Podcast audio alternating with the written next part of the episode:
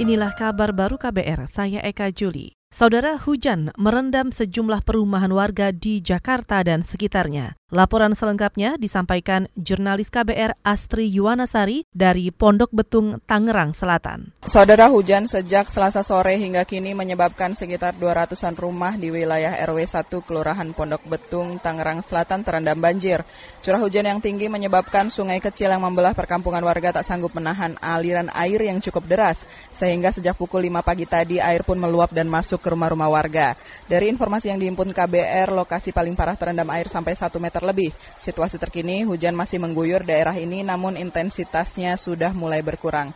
Wilayah RW 1 Pondok Betung ini memang terletak berbatasan dengan wilayah Pesanggerahan Jakarta Selatan dan informasi yang kami dapatkan dari BPBD DKI Jakarta, saat ini tinggi muka air Sungai Pesanggerahan sudah mencapai 175 cm dengan status siaga 3. Dari Pondok Betung, Tangerang Selatan, Astri Yuwanasari, KBR. Dari Tangerang Selatan kita ke Bekasi. Saudara Badan Nasional Penanggulangan Bencana atau BNPB menerima banyak keluhan terkait banjir dari wilayah Bekasi dan sekitarnya. Selengkapnya disampaikan reporter KBR Mutia Kusuma dari Perumahan Rawalumbu, Bekasi. Saudara, saat ini saya berada di Perumahan Rawalumbu, Jembatan 1, Bekasi Timur. Hujan sudah mulai turun sejak sekitar pukul 17 waktu Indonesia Barat kemarin hingga saat ini. Akibatnya air hujan menggenangi rumah warga dengan ketinggian rata-rata sepinggang orang dewasa.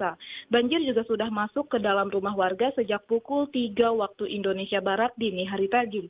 Warga pun sejak pagi harus mengevakuasi perabotan rumah tangga yang terendam banjir. Sementara untuk kendaraan warga seperti mobil dan motor masih banyak yang terjebak banjir namun belum dapat dievakuasi. Banjir ini juga mengakibatkan mobilitas warga terganggu karena banyak akses jalan yang masih tergenang air. Selain banjir, daerah Rawalumbu ini juga dilakukan pemadaman listrik sejak pukul 8 waktu Indonesia Barat. Belum dapat dipastikan hingga kapan pemadaman listrik ini diberlakukan oleh PLN. Sementara itu berdasarkan laporan Badan Nasional Penanggulangan Bencana atau BNP Bekasi menjadi salah satu daerah dengan aduan banjir paling banyak. Di antaranya perumahan di Pangkalan 1A, Bantar Gebang, Bekasi, banjir setinggi 1 meter. Setelah itu di Komplek Jaka Kencana 30 hingga 50 cm sudah banyak masuk rumah. Proyek 2019 perbaikan pintu air malah jadi penyebab air masuk karena kebocoran yang cukup parah. Terakhir, di Jalan Pangkalan 1, banjir hingga menyebabkan tembok pabrik roboh. Demikian dari Perumahan Rawalumbu Bekasi Timur, Mutia Kusuma untuk KBR kita beralih ke kasus novel Baswedan. Saudara kepolisian mengklaim tidak bisa mengintervensi penyidik terkait penerapan pasal kepada dua tersangka penyerang penyidik KPK Novel Baswedan. Juru bicara Mabes Polri Argo Yuwono mengatakan pasal yang diterapkan yang disesuaikan dengan laporan awal dibuat yaitu adalah pasal 170 KUHP yaitu pengeroyokan dan penganiayaan. Penyidik tidak jadi intervensi mas, ya jadi biarlah penyidik bekerja, silakan penyidik biarkan uh, membuktikan daripada kasus tersebut ya. Gitu.